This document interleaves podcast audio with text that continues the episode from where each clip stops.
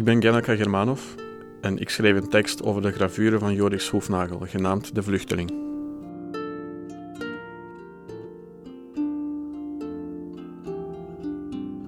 Ongeruste kreten, krakende deuren. De onzichtbare soldaten staan iets verderop, achter de hoek. Het huis is nog intact, want ik heb geduld. Ik toon voorlopig een mens op de vlucht. Hij pakt zijn spullen, heeft geen tijd, zijn kinderen huilen.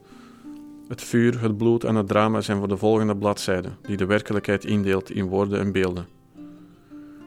Het grote verschil tussen de woorden en mij is dat ik uit slechts twee dimensies besta. Daarom was ik vroeger veel kleiner en onbelangrijker, een nietige opening in een letterenbos. Vandaag ben ik geen illustratie meer, maar een beeld in wording, want ik begin de strijd met de letters te winnen. Ik ben ontstaan als een imitatie van eindeloos veel woorden, waaronder ellende, vlucht, onrust, geduld en gemis. De kijker kan mij opzoeken. Met gelijktijdig plezier en afschuw kan hij gadeslaan hoe vloedgolven en plunderingen, genocides en vuurzeer eruit zien. Hij wil in helder water kijken zonder zichzelf in de reflectie te moeten ontdekken. Heel binnenkort duurt het minder dan een seconde om mij te produceren. Dat is ook de tijd die mensen zullen nemen om naar mij te kijken, want ik zal met velen zijn. Duizenden, miljoenen, miljarden. Onze vorm verandert, maar we beelden hetzelfde af.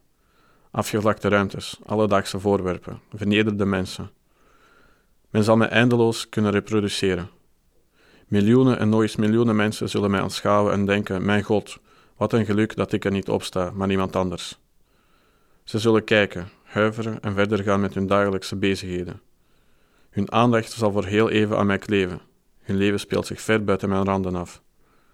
De man die ik toon is sinds mijn ontstaan al lang gevlucht.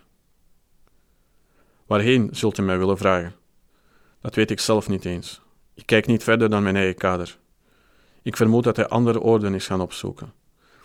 Plaatsen waar hij zich voor heel even kan verstoppen. Plaatsen waar niemand zijn ellendige toestand zonder toestemming zal afbeelden. Bestaan er nog plaatsen waar je kunt ontsnappen aan het beeld, is de tweede vraag. Ik hoop van wel, maar ze zullen voorbehouden zijn voor geprivilegieerden. We zijn met zoveel dat we onze betekenis zullen blijven verliezen. Niemand en iedereen zal ons nog begrijpen. Bovendien hebben we veel vijanden gemaakt onder de mensen die we afbeelden. Zij herkennen zich in de weerspiegeling en zijn daarom kwaad. Ik heb er alle begrip voor, al voel ik mij niet schuldig. De vernedering die ze moeten ondergaan voltrekt zich niet één, maar twee keer. De tweede keer is blijvend.